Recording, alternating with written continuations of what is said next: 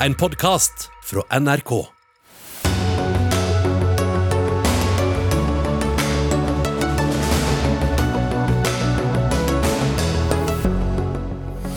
Private selskaper som tilbyr velferdstjenester kan snart bli historie. Regjeringen setter ned utvalg som skal finne ut hvordan private skal fjernes på best mulig måte.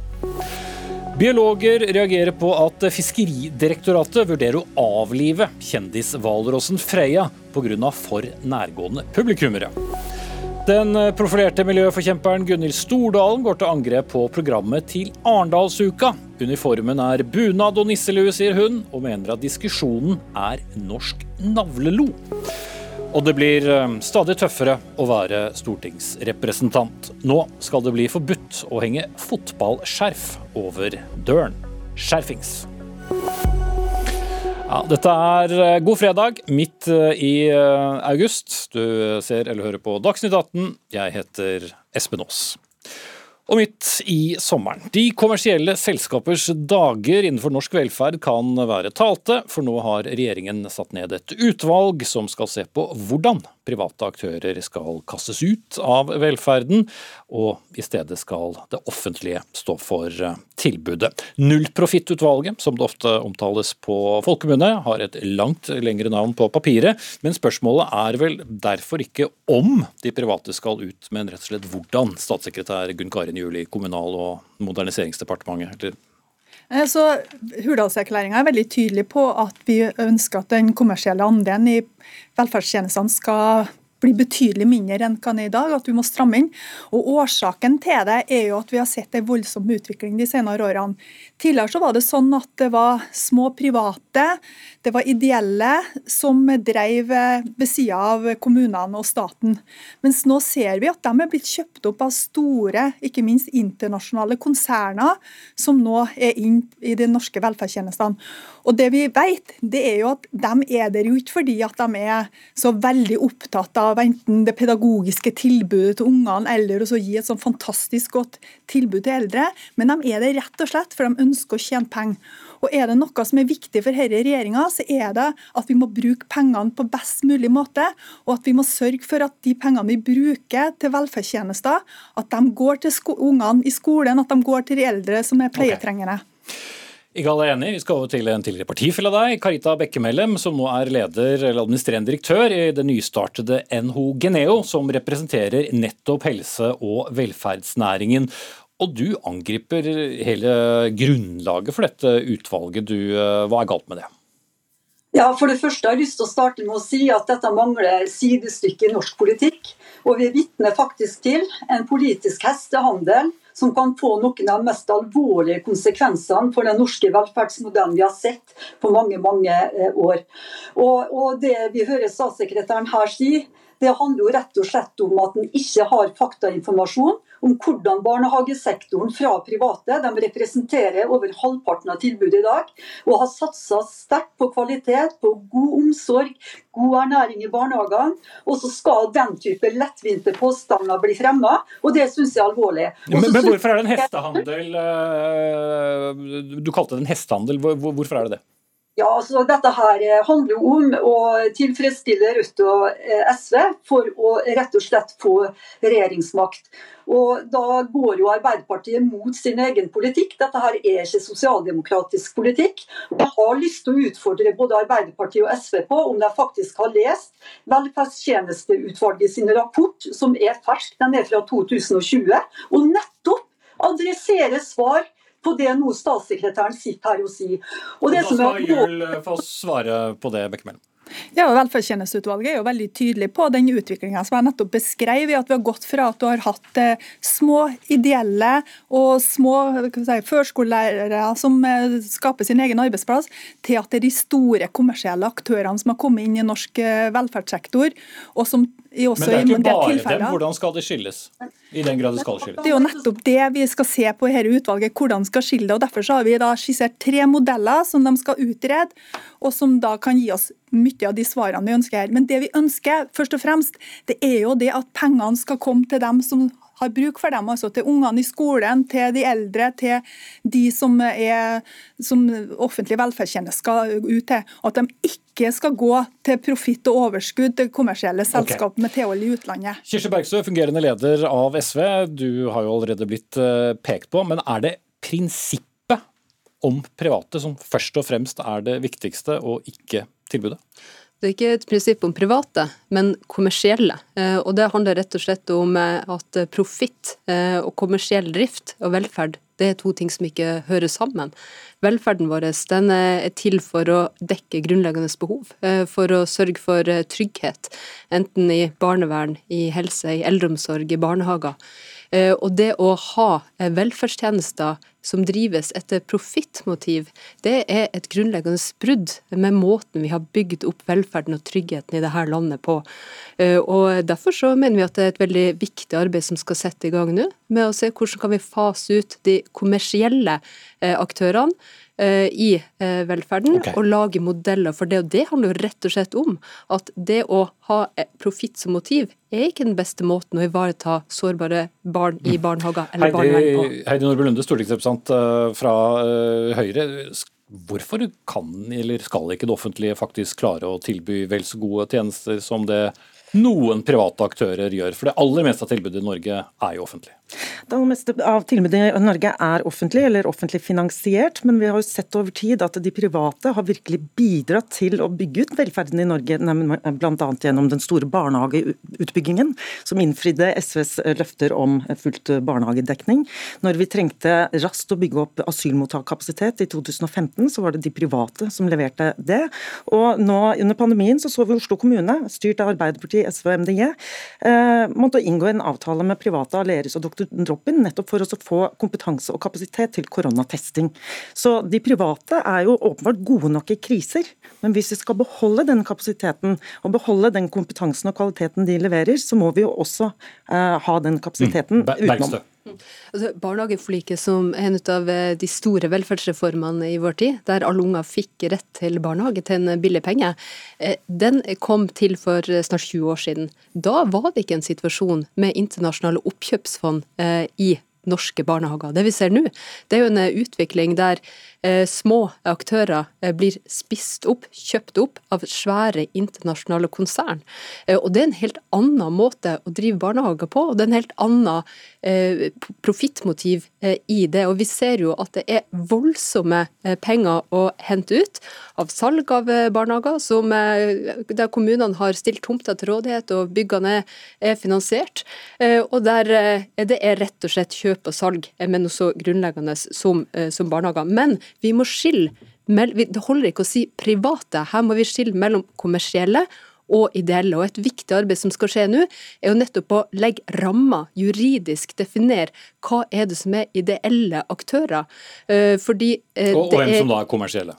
Ja, De kommersielle, eh, det, det er jo selskap som er markedsbasert, som er profittdrevet. Så det viktige her, det er jo å ha de juridiske rammene for ideell mm, virksomhet. Okay. Bekkemellem slik at Kommunene har hatt eh, all verdens muligheter i mange tiår til å bygge opp og for å si på den måten konkurrere ut de tilbudene som nå vil raderes vekk. Det er overhodet ikke fokus på brukerperspektivet, og det er ingen som fokuserer på at noen av de svakeste gruppene våre, barn og unge som trenger psykiatri, rusbehandling, eldreomsorg, asyl- og flyktningmottak. Det er overhodet ikke et engasjement på det. Og Vi vet òg at en sånn form for politikk dette vil kunne medføre, vil rett og slett radere bort en del av det rettighetsbaserte systemet vi har i helsetjenesten vår. Og så til det som er sagt om ideelle. Er det slik da at SV og Arbeiderpartiet har utreda det som velferdstjenesteutvalget pekte på, men klarere utredning av hva definisjonen av ideelle faktisk er. Og Dette er ikke kun et angrep mot helsetjenestene våre, men det er òg et angrep mot næringspolitikken som føres i Norge. og det er et angrep mot den norske gode modellen. Og det at vi skal bygge opp okay. et partnerskap, vi skal dra dette lasset i fellesskap. Og jeg synes ja, bare... Gi ordet til, til, regjeringen her eh, og Gunn Karin Ja, Bekkemellom framstiller jo nesten som at det offentlige ikke kan også drive velferdstjenester. Vi vet jo at omtrent 80% av eh, velferdstjenestene drives jo i offentlig regi.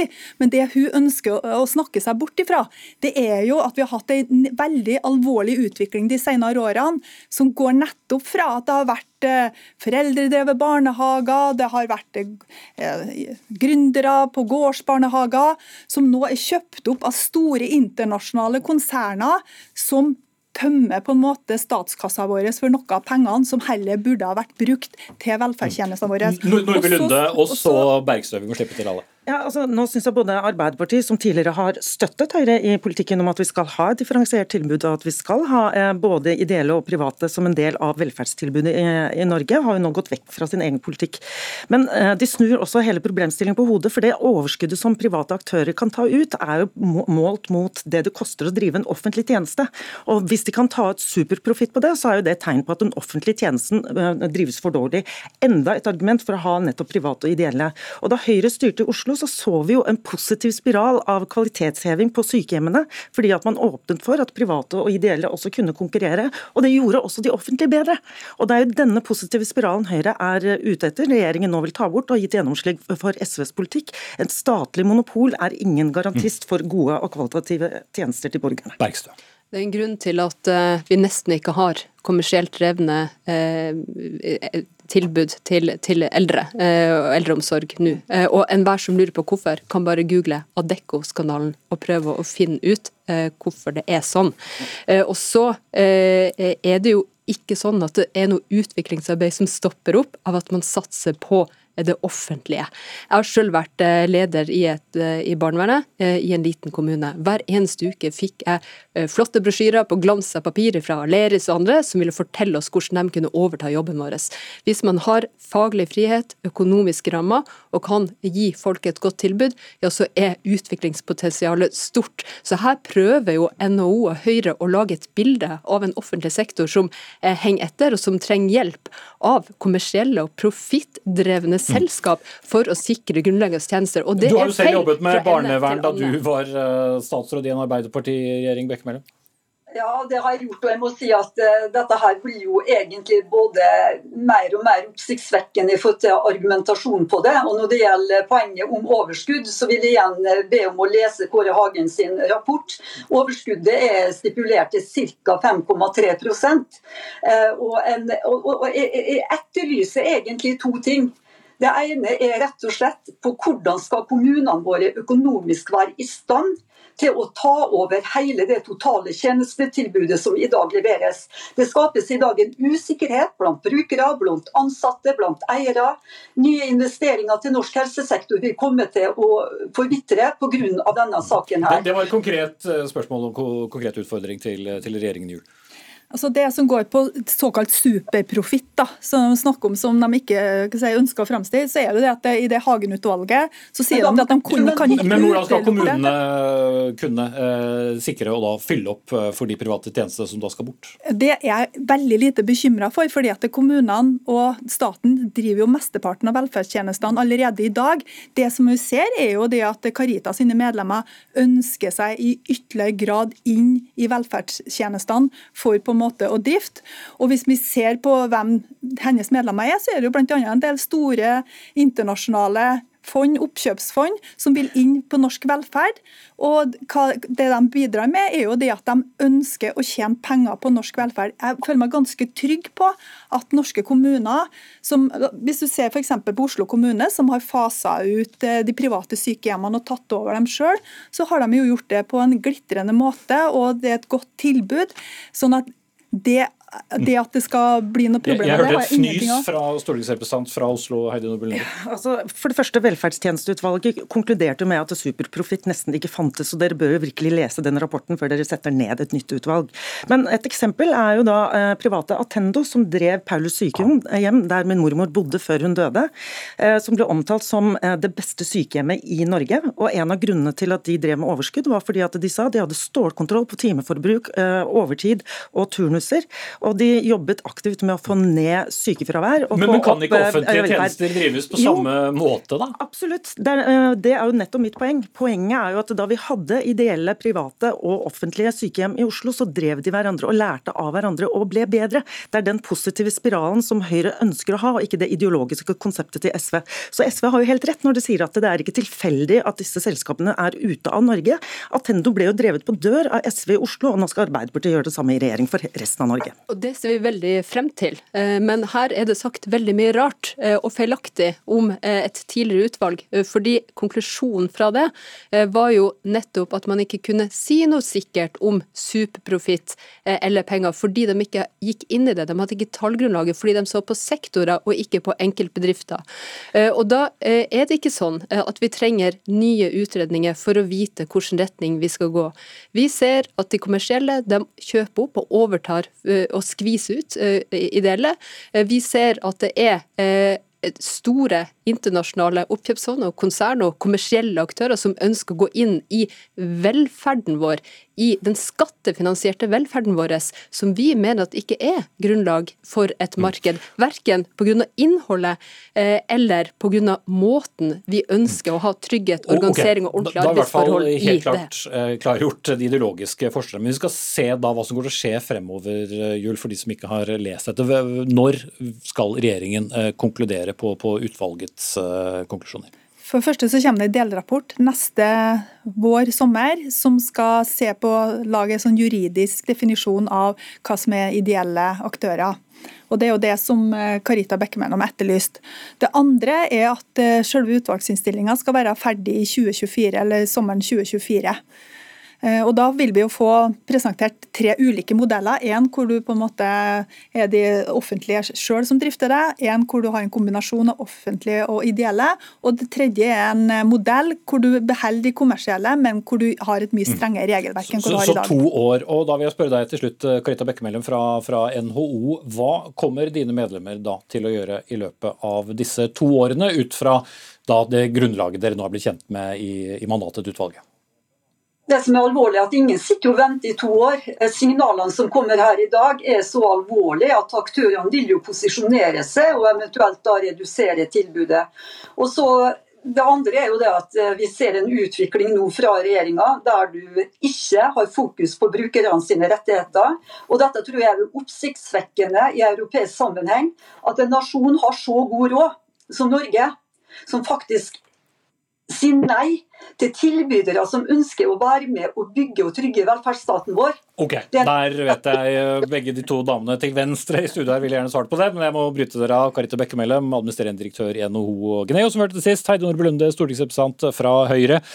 Kirsti Bergstø, fungerende leder i SV, og Gunn Karin Juel, statssekretær i Kommunaldepartementet fra Arbeiderpartiet.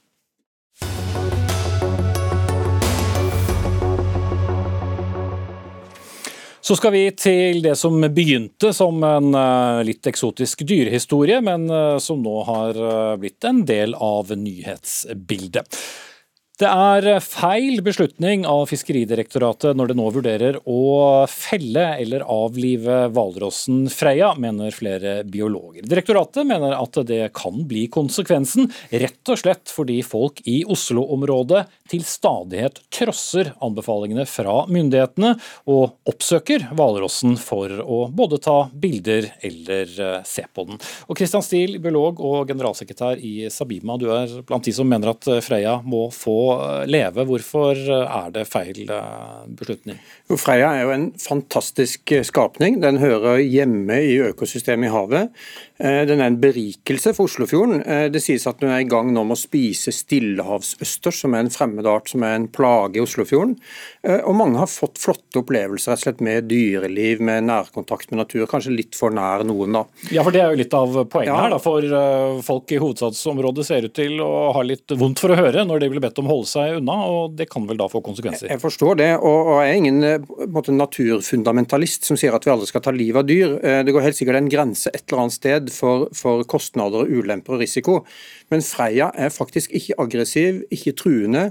Hun har ikke krumma et hår på noens hode på verken Frogner eller i Bærum eller i Askøy. Eh, og hun har egentlig ødelagt ganske lite. og Forsikringsselskapet If har sagt at de dekker alle skader. Så Freia opp oppfører seg ganske enkelt som en hvalross, eh, som er et rødlista pattedyr som hører hjemme i fjorden her. Eh, og Foreløpig mener jeg at den grensen overhodet ikke er nådd for at vi trenger å skyte henne. Mm. Ja, Frank Bakke-Jensen, fiskeridirektør med oss eh, fra vårt studio i, i, Tromsø. Det er jo ikke konkludert med, men dette kan altså bli konsekvensen. Hva er det som i så fall nå skal skje som kan føre til at det blir avliving? Nei, altså, Vi, vi, har, vi, vi har, fulgt uh, Freya på, på, på, hele reisa hennes. Og, så har vi hatt uh, noen uh, bilder og, og videoer fra uh, fra uh, Oslofjorden de siste, de siste døgnene som, uh, som der, det, der, det, er mange eksempler på uakseptabel atferd fra folk. Altså der man er altfor nært. Uh, der, der Freya er tydelig stressa av det som, det som, skjer rundt. og Da har vi måttet være tydelige på at, at et, av, et, av, tiltakene som kan bli nødvendig, det er å ta, det er å ta livet av, av Freya. Sånn at det, For oss var det viktig å gå ut i går med et tydelig budskap om at nå må folk følge de anbefalingene vi har gitt. Eh, det har, eh, det har vært altfor mange, mange brudd på i det siste. og Derfor, eh, derfor var, var, var, måtte beskjeden gis så tydelig. Stil. Ja, altså Jeg er enig. og det er, det er fint at man skjerper inn at folk må følge disse anbefalingene. Det er fryktelig dumt å ta sjanser med med et så stort dyr, som åpenbart kan skade folk hvis det, hvis det skulle komme til en konfrontasjon. Eh, men, men, eh, jeg vil protestere på eh, påstanden om at Freya er stressa. For dette er et dyr som behersker veldig godt det elementet den er i, mye bedre enn oss. Og Hvis det var sånn at Freya ble stressa av folk, hvorfor i all verden oppsøker den da det ene tett befolka stedet etter det andre?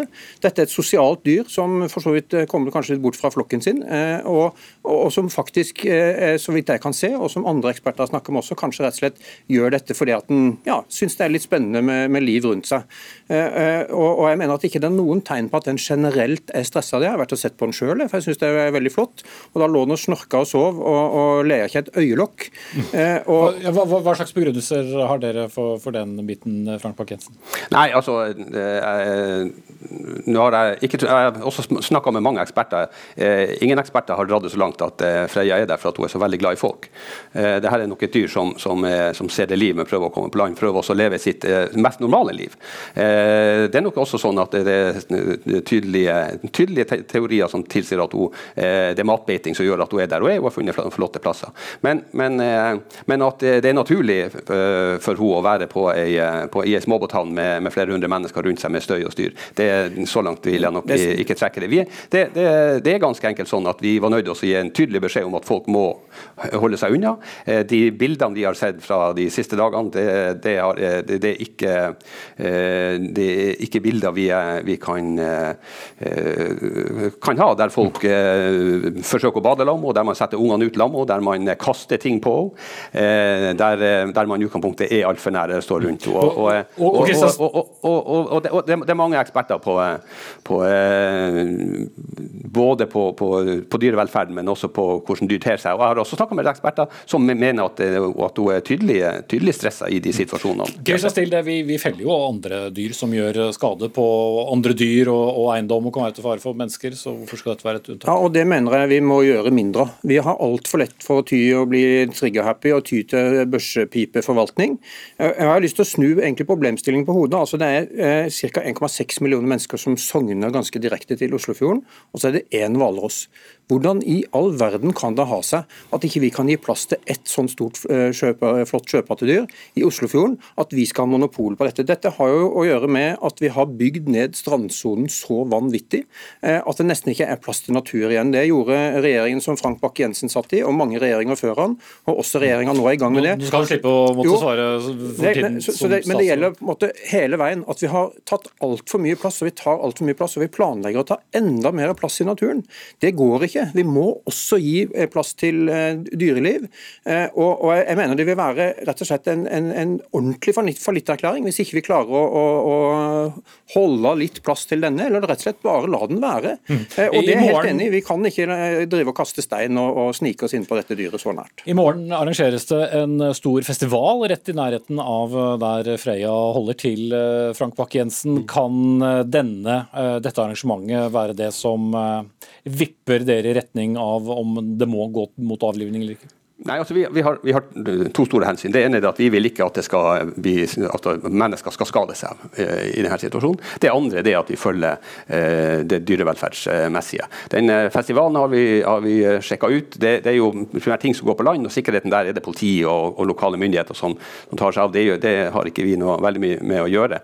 Sånn at det, det, er ikke det som kan trigge det. Men, men som sagt, eh, vi har hatt veldig mange eh, vanskelige situasjoner. Vi vil ikke ha en situasjon situasjon der vi, eh, der vi sitter i Dagsnytt 18 og diskuterer hvorfor vi ikke har gjort noe tidligere. Sånn at vi, eh, vi følger det som, eh, det som, skjer. Og så har, vi, så har sagt at vi var nødt til å være tydelige i går.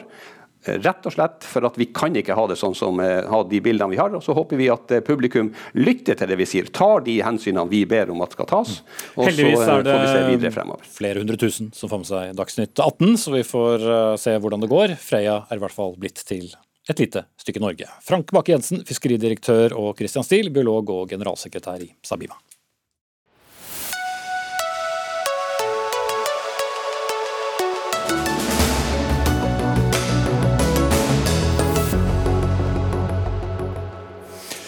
Mange har eh, latt seg opprøre av de økte matvareprisene denne uken, men eh, ikke alle. For noen synes også dette er eh, helt utmerket, nemlig en av våre neste gjester, som er både er bonde og kommentator i avisen Nasjonen.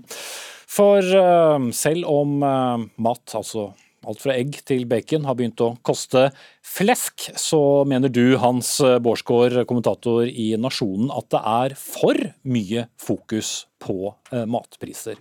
Hvorfor det? Det handler jo om eh, mye av folks liv. Ja, eh, med noen forbehold, som vi sikkert skal komme tilbake til, så, så er det bra at matprisene øker. Det er mange grunner til det.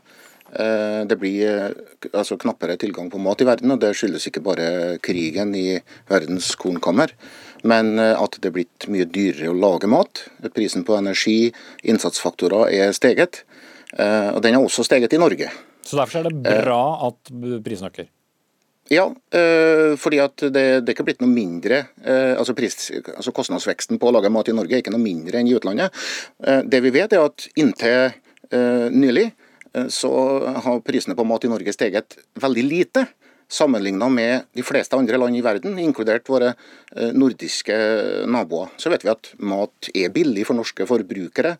Eh, de bruker 11% av disponibel inntekt på mat, og det er mindre enn nesten alle land i verden. Og Prisen for det betales jo av dem som lager norsk mat, som er en ekstrem lavinntektsgruppe, som tjener 200, mer enn 200 000 kroner mindre enn Eh, andre grupper. Okay. Og Det er jo derfor mange av dem slutter å lage mat. og Da blir det mindre, dårligere selvforsyning i eh, Norge. Notert. Eh, vi skal ja, fra én bonde til en annen, men som også er stortingsrepresentant for Høyre, nemlig Lene Westgård Halle. Syns du det er bra at uh, matvarer har økt med 10% på et år?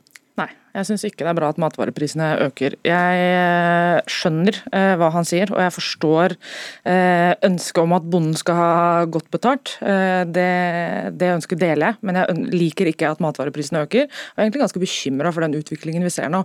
For det er riktig det at matvareprisene i, i Norge ikke stiger, stiger like mye som i de andre landene, men det er jo en eksplosiv vekst. og Det er mange mange år siden vi har sett det vi ser akkurat nå.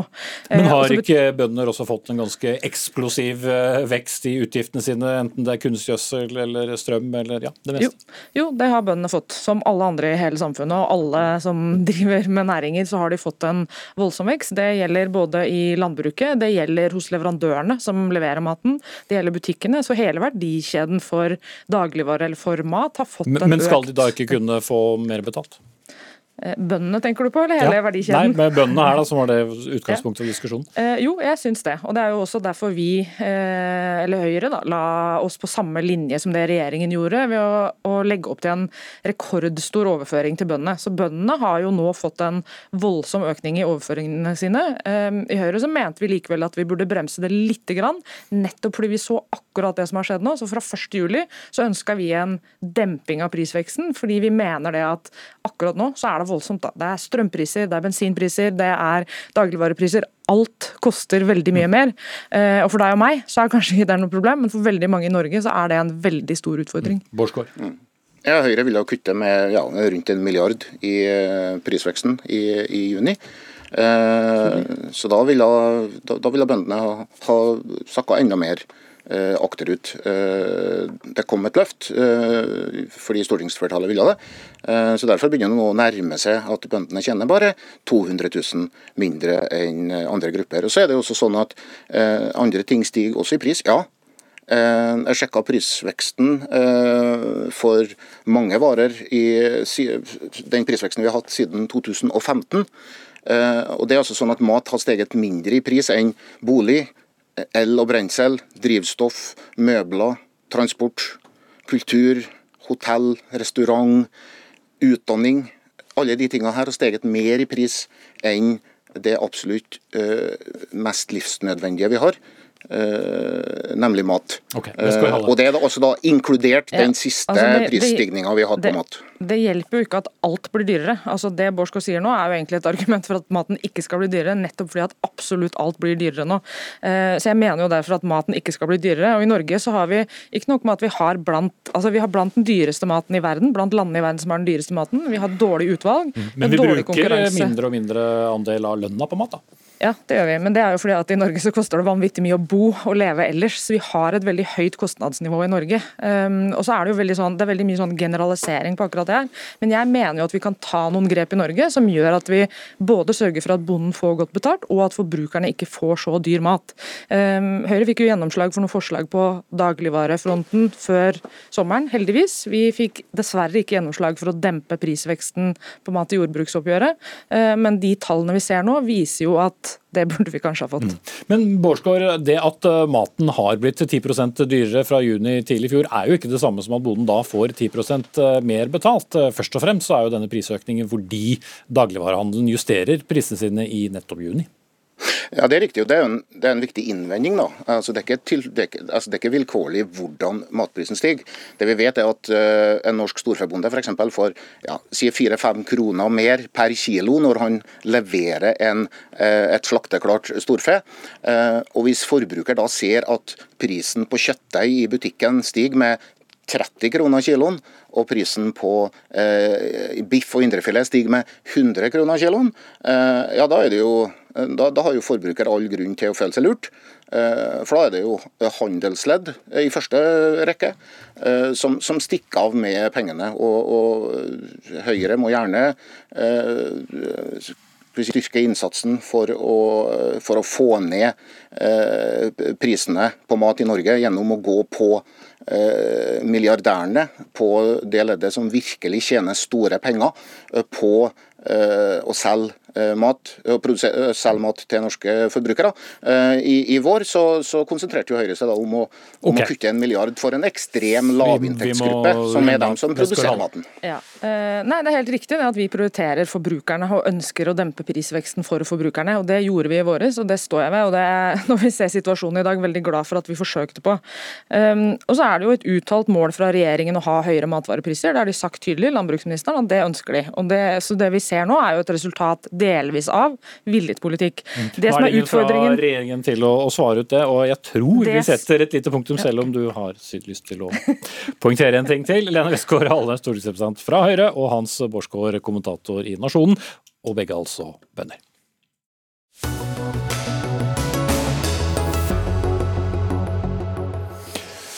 Senere i Dagsnytt 18, eh, Gunhild Stordalen går til angrep på Arendalsuka for å være navlebeskuende, og får da motbør av Norad-sjef og programkomitémedlem Bård Vegar Solhjell. Og vi skal eh, også forsøke å få med oss eh, siste nytt etter at forfatter av sataniske vers, Salman Rushdie, ble angrepet i New York. Men nå et solid eh, temaskifte, for dersom våre folkevalgte ikke har det tøft nok eh, som det er med lange møtedager på Stortinget, VG kan i dag eh, skrive, fortelle oss at det går mot skjerfforbud på dørene til kontorene i Stortinget. Det handler i stor grad om supporterskjerf, som fotballelskende lokalpatriotiske stortingsrepresentanter fra hele landet i årevis har drapert sine dører med. Men nå kan denne tradisjonen bli slutt, for ifølge administrasjonen på Stortinget så skal fotballskjerf og, som administrasjonen understreker, knaggrekker ikke lenger får lov til å henges over dørene. Det er eh, bekymring for skjevhet på dørene og dørenes låsemekanisme. Og Geir Pollestad, stortingsrepresentant fra Senterpartiet, parlamentarisk nestleder i Senterpartiets gruppe også, og inntil nylig styreleder i Bryne fotballklubb. Hvordan vil døren din se ut uten bryneskjerf? Nei, Det vil jo være et, eh, noe som mangler. Eh, fordi at Som eh, stortingspolitikere i Norge så representerer vi jo ikke bare et parti, men vi representerer også et fylke og en region. og Det å ha fotballsjef har jo vært en måte å vise hvem man identifiserer med og hvem en hører med. Og så er det jo en Vi har jo mye besøk på Stortinget, så det er jo alltid en god ting til å begynne å snakke om når folk er kanskje litt nervøse når de skal på besøk eh, på Stortinget. Så det kommer til å bli et uh, savn, men uh, vi skal nok stå den av, altså. Det tror jeg. På samme måten som jeg er nokså sikker på at stortingsdørene som har overlevd to verdenskriger, òg ville ha overlevd noen fotballskjert i noen år til. Mm. Petter Frølich, stortingsrepresentant fra Høyre og brannfanatiker ifølge sikre kilder. Var det på tide å få gjort noe med dette? Si, dette er den eh, absolutt rareste eh, VG-saken jeg tror jeg noensinne har eh, svart på. Jeg fikk spørsmål om hva jeg syns om dette, og for min del med disse skjerfene bare de må bare forsvinne. Jeg liker å bruke skjerfet mitt på, på fotballkamp. Og det har vært et tungt år for Brann-supportere å måtte gå og se med misunnelse og savn på alle de eliteserieklubbene som har hengt bortover gangen, mens vi selv har strevd ned i Obos-ligaen. Så jeg tenkte For det psykososiale arbeidsmiljøet så eh, er det bra at sikkerhetsmyndighetene nå har grepet inn og satt en stopper for dette. Og de folkevalgte bør rette seg? Nei, jeg har en liten, har en liten plan. Eh, kanskje Pollestad jeg kan samarbeide om å eh, snekre opp disse skjerfene på en sikker og trygg måte, sånn at vi kan fortsette tradisjonen, de som vil det. Men da får vi se hvor handy vi er, Pollestad. Ja, det, det, er ikke sånn. Jeg tror ikke jeg heller skal ty til sivil ulydighet. Det oppfyller vel egentlig ikke vilkårene for uh, det. Uh, og så er det, det er ikke noen stor sak. Samtidig så det er jo et lite sånn snev av at dette er liksom den nye virkeligheten av jeg vet ikke om det er New Public Management eller byråkratiets uh, fortreffelighet. Men bare det å altså, liksom finne på at vi skal holde på med denne type ting. og det er Sånn skjer på Stortinget, sånn skjer i det offentlige, sånn tror jeg ikke, og i store, store bedrifter. Så det er noen ganger at en eh, kanskje løser problem som eh, ikke finnes. Eh, men så er det jo sånn at vi skal nok klare oss godt uten at skjerfet får henge på mm. døra, men kanskje også kan henge på sida eller over eller et eller annet. Vi finner nok en løsning. Alvorligheten i, i, dette oppslaget handler jo om at dørenes låse- og lukkefunksjoner kan bli, bli, påvirket. Du frykter ikke et par døgn på kontoret kun i selskap av ditt bryneskjerf? Du, det hadde vært helt nydelig å fått et par dager på kontoret innestengt og så fått hun unna alt forefallende arbeid og e-poster og eh, kanskje rydda litt i skapet og sånt. Så det tror jeg jeg hadde levd eh, veldig fint med. Og så har jeg jo òg eh, tilgang til alle Brynekamper eh, som måtte gå på eh, via mobilen, sånn at det skulle ikke gi glipp av et sekund der, og så hadde jeg fått det. Så det hadde nok eh, det hadde nok gått, men vi skal ta sikkerhetsadvarslene på største alvor, selvsagt. Mm. Hva tenker du om denne skjebnen med å ikke komme deg ut av kontoret igjen, Frølich? Jeg hørte ikke helt spørsmålet ditt, men jeg antar eh, hvordan jeg ser for meg det å bli låst inne av et eh, supporterskjerf. Nå skjer ikke det med meg, heldigvis, for jeg har aldri hatt det. Men eh, det hadde blitt klaustrofobisk. Jeg tror jeg har Stortingets eh, minste kontor, så det hadde vært, eh, det hadde vært en påkjenning. Jeg fikk, eh, fikk, kanskje funnet en Jeg har en gammel sånn, sånn pølse fra, fra Bondelaget som vi fikk i julegave, så kanskje den holder. Det pleier å være god kvalitet, pleier ikke å være det? Til døren skiller eh, oss eh, ad. I hvert fall var diskusjonen så dannet at jeg måtte ikke be noen av dere om å skjerfe dere. Geir Pollestad, stortingsrepresentant fra eh, Senterpartiet, og Peter Frølich fra Høyre. Takk skal dere ha.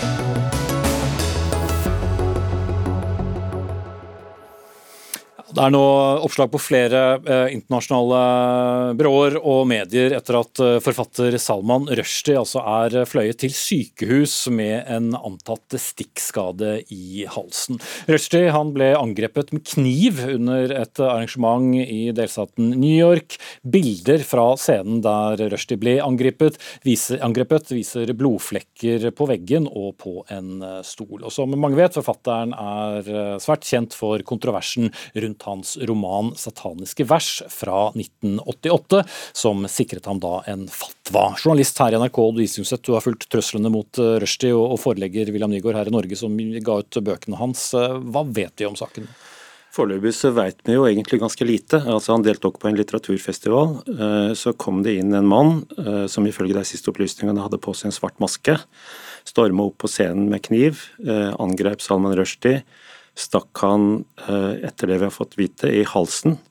Og han angrep òg programlederen som skulle lede diskusjonen med Rushdie på denne litteraturfestivalen. Mm. Ja, det er jo snart et uh, kvart århundre siden denne boken ble gitt ut uh, i Sungset. Men Salman Rushdie er jo en, en, eller mer enn et kvart århundre, er jo en mann som har levd da med, med en dødsdom over seg da siden slutten av, av 80-tallet. Ja, altså Ayatollah Khomeini avsa en dødsdom over Salman Rushdie i 1989, 14.2.1989. Eh, og i mange år etter det så var han på en måte en jaga mann. Eh, bodde på hemmelige adresser, hadde politivakter rundt seg overalt. Eh, flyselskapene ville ikke ha han med som passasjer osv. osv. Men i 1998 så var det jo et møte mellom den iranske og den britiske regjeringen, der Iran sa at de ikke ville gjøre noe for å fullbyrde fatwaen, altså dødsdommen, over Rushdie. Og etter den tid så har jo sikkerheten rundt han vært vesentlig eh, mindre, eller eh, helt fraværende. Han har levd et relativt normalt liv eh, de siste åra i New York, og derfor er jo dette veldig overraskende og grufullt, det som har hendt nå. Mm. For I hvor stor grad eh, anses da sataniske vers eh, for å, å være kontroversiell da for, eh, for islam? Ja, altså, det er jo det er et godt spørsmål, fordi kontroversene rundt denne boka Jeg mener det kunne like gjerne vært 100 andre forskjellige bøker som kanskje er mer islamkritiske enn sataniske vers. Dette hadde en politisk dimensjon. Det starta egentlig i India da den kom ut i India med noen muslimske politikere i India som faktisk gikk til angrep på den boka før hun kom ut. Men det store tidsskillet var da Ayatollah Khomeini avsa fatwaen, og da en stiftelse i Iran utlovde en dusør på 20 millioner kroner til den eller deg som kunne ta livet av forfatteren, hans forleggere eller hans oversettere. Mm. Og Det er jo litt spesielt nå. altså Det er faktisk nesten nøyaktig 30 år siden at han kom på denne berømte hagefesten hos Aschehoug der han for første gang etter fatwaen eh, møtte en statsråd. Det, akkurat det bildene fra den hagefesten og det som hendte under hans norgesbesøk i 1992, har på mange måter vært epokgjørende for denne saken. Mm. Vi får eh, følge utviklingen. Takk skal du ha, Odd Isungset. Og de siste meldingene er at eh, situasjonen til forfatter Salman Rushdie fortsatt er uavklart.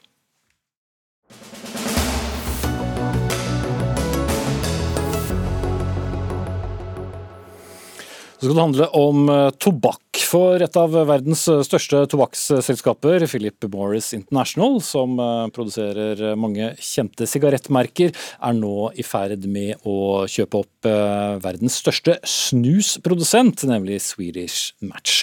Og snus, som i stor grad er et særskandinavisk fenomen, kan da ende opp med å bli en global eksportvare kunne bl.a. Morgenbladet opplyse om. Og Karl Erik Lund, seniorforsker ved Folkehelseinstituttet, dette kan være godt nytt for, for folkehelsen, mener du. Hvordan da? Altså, under visse forutsetninger så kan det det. Um, I verden så er det 1,1 milliarder røykere. Uh, de fleste i fattige land hvor de ikke har utbygd assistanse til røykavvenning i det hele tatt. og Da kan snus komme inn der med Philip Morris sin hjelp. De har jo litt større muskler enn Swedish Match å være et skadereduserende alternativ. Og for brukere av tyggetobakk i India, Pakistan, Nord-Afrika, som er veldig veldig farlig, veldig giftig tyggetobakk, så kan snus være et alternativ. Og Philip Morris har da altså større mulighet til å kunne komme og lansere snus inn på markedet. og Hvis det da blir brukt på samme måte som snus er blitt brukt i Norge og Sverige, nemlig hovedsakelig av røykere, iallfall inntil det siste, så kan dette være Eh, det beste for folkehelsen. Mm. Det høres jo utgangspunktet snodig ut at en mann som eh, representerer Folkehelseinstituttet heier på en stor internasjonal tobakksgigant? Nei, jeg heier ikke på det. Og jeg har eh, studert industrien i mine 36 år som tobakksforsker. Jeg har vært i rettssaker mot industrien, og jeg er vel den i Norge som har vært mest kritisk til industriens uetiske disposisjoner opp gjennom tiden. Men jeg mener at den transformasjonen vi nå ser i tobakksindustrien, hvor de sier de skal fase ut produksjonen av det livsfarlige sigarettene, og så lansere nye forbrenningsfrie produkter, den må vi ha et litt mer balansert syn på enn det som er kommet kanskje fra Helsedirektoratet og fra Kreftforeningen. Ja, Apropos Helsedirektoratet. Linda Granlund, Linda Granlund, du er divisjonsdirektør i Avdeling for folkehelse. Har vi for mye moralsk panikk eh, overfor eh, snus? Nei, jeg syns jo ikke det. Eh, men vi er jo helt enige med Kalle Lund i at eh, dersom alle de som røyker i dag, går over til å bruke snus, så har det en helsegevinst. Men så er det jo viktig å ha to tanker i hodet samtidig. For det vi, eh, vi er opptatt av, er både å få dagens røykere til å bruke mindre skadelidende produkter, men også beskytte barn og unge. Sånn at det er jo der vi er uenige, for vi mener jo at hvis vi, hvis vi eh, normaliserer snusbruken, så vil du først og fremst få mange nye brukere. Og Vi ser jo nå at eh, andelen som røyker har jo gått veldig mye ned. Spesielt i Norge så er det jo andelen av de unge som røyker nede på 1 mm. Men så er det ganske mange som snuser. Og det er ikke tidligere røykere, det er nye som har begynt med snus. Ja, for det skal man jo ikke se så mye rundt seg for å se at, at det er veldig mange som, som snuser. Ja, Eh, helt klart. Og vi må ha med oss det perspektivet der. Altså, eh, disse forbrenningsfrie produktene har helt klart en terapeutisk effekt i samfunn med veldig høye røykandeler. Men i Norge så begynner vi nå etter hvert å nærme oss et så lavt nivå, sånn at da mister disse sin terapeutiske effekt. Og Da blir det en ny debatt. Da blir det skal vi godta disse forbrenningsfrie produktene, e-sigaretter, snus, tobakksfri snus, skal vi godta at vi kan bruke det, det vi kaller for eh, som rekreasjonsbruk? Altså fordi at eh, Nikotinbrukere de har jo et stort utbytte av å bruke nikotin, fordi det virker stimulerende omtrent som koffein. ikke sant? Altså Det virker, det er faktisk det eneste stoffet som virker beroligende samtidig som det Men, men nyrekrutteringen da mot snus, som, som Granlund mente? Ja, og jeg mener jo da at når vi har kommet ned på det nivået, så, så mister man da altså den skadereduksjonsdelen av det, og da blir det en ny debatt. Og Da blir det denne debatten om man skal godta at vi skal ha ganske ufarlige nikotinprodukter der. Eh, de, jo, de er jo ikke risikofrie, men de er dramatisk mye mindre farlige enn røykingen. Så Det er altså en ny debatt som vi da må gå inn i, og det er jeg helt eh, enig med Linda Ja, og I dag så har vi jo både sigaretter og vi har snus på markedet. Eh, og så jobber jo vi da etter begge disse sporene. ikke sant? Vi jobber med å, å hjelpe de som i dag røyker, og størstedelen av de som røyker er mellom 55 og 64 år. Så det er en, en voksen eh, gruppe som røyker. Og så har vi jo fått en veldig nedgang, og det er fordi at det er ikke noen nyrekruttering til eh, sigarettrøyking. Og det er jo kjempefint, men så er vi jo redd for at det, det skal bli for mye fokus på at snus ikke er så skadelig. Sånn at det, dette har jo helt med hvordan vi argumenterer i det skadereduksjonsargumentasjonen, sånn at det, det ikke framstår som det er helt ufarlig. fordi at det, Snus inneholder en del giftstoffer, og det inneholder ganske mye nikotin. Mm. Men, men hvor farlig er det? Altså, jeg tror ikke man skal bekymre seg for eh, at man, befolkningen skal tro dette er ufarlig. Vi gjør eh, såkalte eh, målinger av risikopersepsjoner, altså hvordan folk ser på dette. Og folk overdriver jo risikoen ved, ved snusbruk da, i forhold til sigaretter. Snus er ikke risikofritt, men det fører altså ikke til de sykdommene som tar livet av 70% av de som dør av røykerelaterte sykdommer, nemlig kols, lungekreft, hjerte-karsykdommer. Så det er jo dramatisk mindre farlig enn det å røyke. Men det er jo ikke ufarlig, og man skal jo advare f.eks. hjertepasienter mot all bruk av nikotin, og spesielt også gravide eh, skal heller ikke bruke snus. Mm. Men vanlige, friske unge mennesker som er de du er bekymret for, hvor, hvor, farlig er det egentlig? Nei, Jeg måtte bare ta med meg og se på hva Folkehelseinstituttet selv sier på den seneste rapporten deres på snus og helse. Jeg måtte bare ha akkurat formuleringene her, og da står det jo at det er sannsynlig at snusbruk øker risikoen for flere krefttyper, bl.a. spiserør- og bukspyttkjertelkreft. Det er sannsynlig at eh, snusbruk øker risikoen for død av hjerteinfarkt og hjerneslag. Og Det er også sannsynlig at det øker risikoen for tidlig fødsel, lav fødselsvekt og også i verste fall dødfødsel. Så Det er jo ting FHI selv har skrevet i sine dokumenter, og det er jo det vi legger til grunn. For vi baserer jo våre, våre vurderinger på dokumentasjonen bl.a. fra FHI. Og så er det jo helt klart at det, når du sammenligner noe med tobakk, så blir jo det meste mindre farlig. Fordi at det er jo sånn at Eh, å røyke er den, eh, den, enkeltfaktoren som fører til mest helseskade og for tidlig død. Så det meste andre ting du sammenligner med det, blir jo nødvendigvis bedre. Eh, men hvis du sammenligner med ingenting, som er da dagens unge som ikke verken bruker snus eller, eller sigaretter, så vil de jo få en helserisiko. Og det er jo det vi prøver å jobbe ut fra begge de to sporene.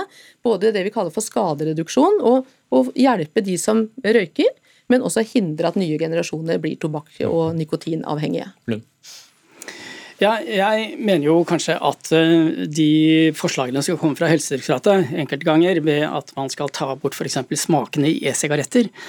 Eh, av hensyn til at man ser for seg en framtidig bruk av e-sigaretter blant ungdom. Det er litt svakt argument, og da, på en måte, da trumfer hensynet til ungdom hensynet til røkerne. Da ofrer man røkerne, på en måte. Helt klart er også ungdom, iallfall i Amerika, tiltrukket av e-sigaretter med smak. Men det er derfor også at dette blir populært blant røykerne. I Norge så er 97% av e-sigarettbrukerne de er røykere. Det er veldig få ungdommer som bruker e-sigaretter. Så sånne forslag som kommer fra Helsedirektoratet, eh, eller iallfall at de støtter det, om å ta bort smakene i e-sigaretter, og kanskje også ta bort smakende snus, det skal man da veie veldig nøye fordeler og ulemper ved. Mm. Vi skal ikke ta en ny runde nå også på e-sigaretter, men vi konstaterer i hvert fall at det er en viss eh, uenighet mellom helsemyndighetene her. FHI ved Carl Erik Lund og Helsedirektoratet ved Linda Gran Lund. Takk skal dere ha.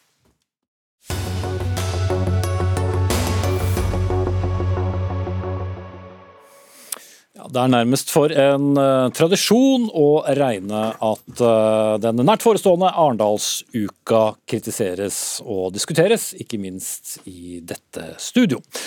Arrangementet som uh, av mange gjerne omtales som demokratiets dansegulv, med sin samling av folk fra politikk, medier, samfunns- og næringsliv som møttes i en uke på Sørlandet, beskyldes for å være en navlebeskuende affære. Ja, Det virker som om Arendalsuka ønsker å si følgende til resten av verden. Dra til helvete, vi bestemmer selv, kom ikke her og bland dere inn i vår verden. Sitatet er hentet fra et innlegg i Dagens Næringsliv, forfattet av Gunhild Stordalen her i studio sammen med Geir Olsen. Og bare for å spisse det enda mer, nytt, nytt sitat. Uniformen er bunad og nisselue og inviteres til å sitte langs fjordkanten forgapt i vårt eget fortreffelige speilbilde mens verden brenner. Ja, Det var voldsomt, Gunnhild Stordalen. Du har absolutt ikke noe håp om at noe kommer ut av eh, denne samlingen i Arendal eh, fra mandag?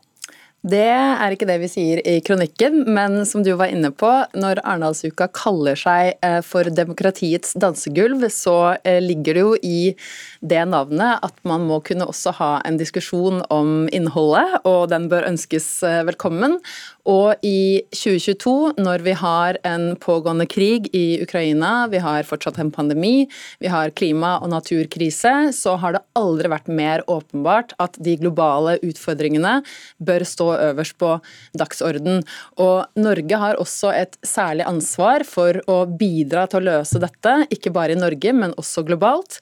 Og Det er derfor vi kritiserer at det er et manglende internasjonalt eh, fokus på programmet, på deltakerne og innholdet generelt. Men det er jo først og fremst eh, et norsk arrangement med norske organisasjoner og norske deltakere. Kanskje diskuterer man mer sånt i Davos og andre steder? Men, men det er det som er eh, hele poenget vårt. At Norge har Altså det som er aktuelt for næringslivet i Norge, det er det som utspiller seg i verden. Og vi kan ikke lukke oss inne i vår egen lille boble. Ja, eh, norske problemer eh, i Gåstein er veldig relevante og skal selvfølgelig diskuteres, men vi trenger å ta et mye større eh, blikk og også forholde oss til de krisene som vi i veldig stor grad har har vært med å bidra til. Vi har bygd vår velstand på fossil energi, og vi har nå et stort ansvar for å stille spørsmålet hva kan Norge være med å gjøre for å løse disse problemene globalt. Ok, En som har vært med på å sope sammen all denne navleloen, da, det er deg, Bård Vegar Solhjell, som er medlem av hovedprogramkomiteen og til vanlig direktør i, i Norad. Ehm, Norad. Sier du deg enig i beskrivelsen? Nei, jeg syns faktisk det vanskelig å forstå den kritikken her. Jeg er rett og slett ganske dypt uenig, av to grunner. For det første fordi det virker som Stordalen nesten har lest et annet program enn det som ligger på nettet og alle kan se. Det er ca. 1700 arrangementer, eh, mye mer enn det noen gang har vært. Av de så er nesten 400 om klima og miljø. Og klima og miljø er det temaet som med god margin har flest arrangementer. Det er faktisk nær én av fire tema. Så snarere ville jeg snudd det. Dette er en festival som er dominert av klima- og miljøtema. Og i hovedprogrammet, som jeg da har vært med på laget, som er langt færre, er 30-40 arrangementer, så dominerer viktige internasjonale spørsmål. Vi har besøk av dr. Tedros, WHOs generaldirektør, eh, av Kevin Rudd, tidligere australsk statsminister, tidligere nobelprisvinner Lech Walesa. Vi har flere russlandsdebatter, vi har et Global Outlook, ytringsfrihet, en rekke spørsmål som er klima og natur, selvsagt, som er globale i sin natur. Mm. Men det er en kort grunn til, og det er, det, det er sant, Vi er en norsk demokratifestival. Og Da er det ikke så rart at vi diskuterer ganske mye Norge, og at det foregår på norsk. Det er på en måte Nei, la oss ta, det, det er positivt feil, Bård Vegar, med all respekt. fordi eh, av hovedprogrammet som dere er ansvarlige for som programkomiteen, så er det da den første og siste seansen som er reelt globale, som handler om omstilling og global helse. Og Så er det to eventer om Russland som er ganske like, og så er det ett om USA, og resten er kun norsk, norsk, norsk. Og Det er også bare det første, det første åpningsseansen om omstillingen som er på engelsk. og Det gjør det også veldig lite tilgjengelig. Det gjør det lite tilgjengelig for ny kunnskap å komme inn. Vi vet at f.eks. 40% av norske, eller av doktorgradsstipendiater som er i Norge, de snakker bare engelsk. Så det er veldig lite tilgjengelig, og vi, det er ikke ett av de eventene som spør hva slags ansvar er det vi, som et av verdens aller rikeste land, har i forhold til å løse de ekstremt kompliserte krisene som utspiller seg dag for dag. Og som, også som sjef for Norad, så burde du også ønske denne debatten velkommen og ha mer verden inn i det, det norske programmet. Sorry. Og ingenting vil glede meg mer enn hvis vi kunne få enda mer verden inn, og enda mer miljø og klima inn, enn det allerede tunge tilstedeværelsen det har i hovedprogrammet og i bredden. Og så skal jeg si at Det er et veldig bevisst valg at vi har eh, festivalen på norsk. og Det er fordi vi skal nå ut til et bredt norsk publikum. Dette er en demokratifestival som i fjor nådde 90 000 deltakere. Derfor er det på norsk. Og, så har vi kanskje en uenighet. og det er jeg tenker at uh, du trenger ikke være mot verden, selv om du diskuterer Norge og norske løsninger. Og Jeg tok en kikk på la meg snakke ferdig. Jeg tok en kikk på mange av de temaene du skrev om i det, de debattene som har Norge i tittelen. Mange av de handler om hvordan Norge skal håndtere et globalt spørsmål. Endringer i næringsliv, uh, trusselen fra Russland, klima- og miljøkrisen. Hva gjør vi med det? Det er ikke navlebeskuende, det er å ta ansvar for Og Norge litt tidlig å konkludere før det er tatt en eneste diskusjon eh, rundt Pollen i Arendal, Tordal? Men med all respekt av Vi skal ha 1700 debatter eh, neste uke. Eh, da må man tåle at én debatt er om debatten. Og som demokratiets dansegulv så bør dere ønske en sånn eh, debatt hvordan kan vi bli enda bedre? Og Arendalsuka har blitt en viktig institusjon. Det har et enormt potensial. Og det er, liksom, det er næringslivsledere, eh, ledere fra sivilsamfunnsorganisasjoner og ikke minst politikere som samles der nede eh, i fem dager til ende. Og da må man også da kunne utfordre og spørre kan vi, når verden forandrer seg, kan også Arendalsuka ta et enda mer internasjonalt eh, eh, samfunnsansvar. Og Den debatten tåler jeg så godt at jeg er her, og egentlig syns det var en bra debatt. Eh, og jeg skal gi deg ett poeng. Fordi av og til, sånn, Mange som lager program, starter med det gjør rundt jul og driver med det utover våren. Så kan det skje ting rundt sommeren som ikke fanges godt nok opp. Og jeg tror òg, som du, at neste år vil globale spørsmål, den voksende sultkrisen vi kan se nå, hvordan uh, matsystemer, energipriser, virkelig skaper enorme globale utfordringer. Satte dere programmet rett og slett litt tidlig? Trolig sikkerhetsspørsmål òg kommer enda mer, til å dominere enda mer. Uh, og så tenker jeg at Det viktigste du kan gjøre for at mat spesifikt, som er viktig for deg, og som godt kunne vært med til stede, kommer mer fram, det er jo at IT og andre arrangerer flere ting. For av de 1700 har vi laga 40. De andre 1660 de er resultatet av hva alle norske organisasjoner og institusjoner okay, vil ha. jeg må faktisk uh, sette Nei, du kan ikke det. Vi har ikke mer tid enn det jeg har. Gunnhild Stordalen, uh, miljøforkjemper, grunnlegger av HVIT. Bård Vegar Solhjell, medlem av hovedprogramkomiteen til Arendalsuka. Og Dagsnytt 18 skal selvsagt uh, stampe rundt i all denne navleloen. Vi har direktesendinger fra vår flytende flåte i Arendal uh, tirsdag, onsdag og torsdag. Ansvarlig for eh, dagens eh, sending, det var Magnus Bratten. Lisbeth Sellereite tok seg av det tekniske. Jeg heter eh, Espen Aas, og som sagt, vi ses på andre siden av helgen, da.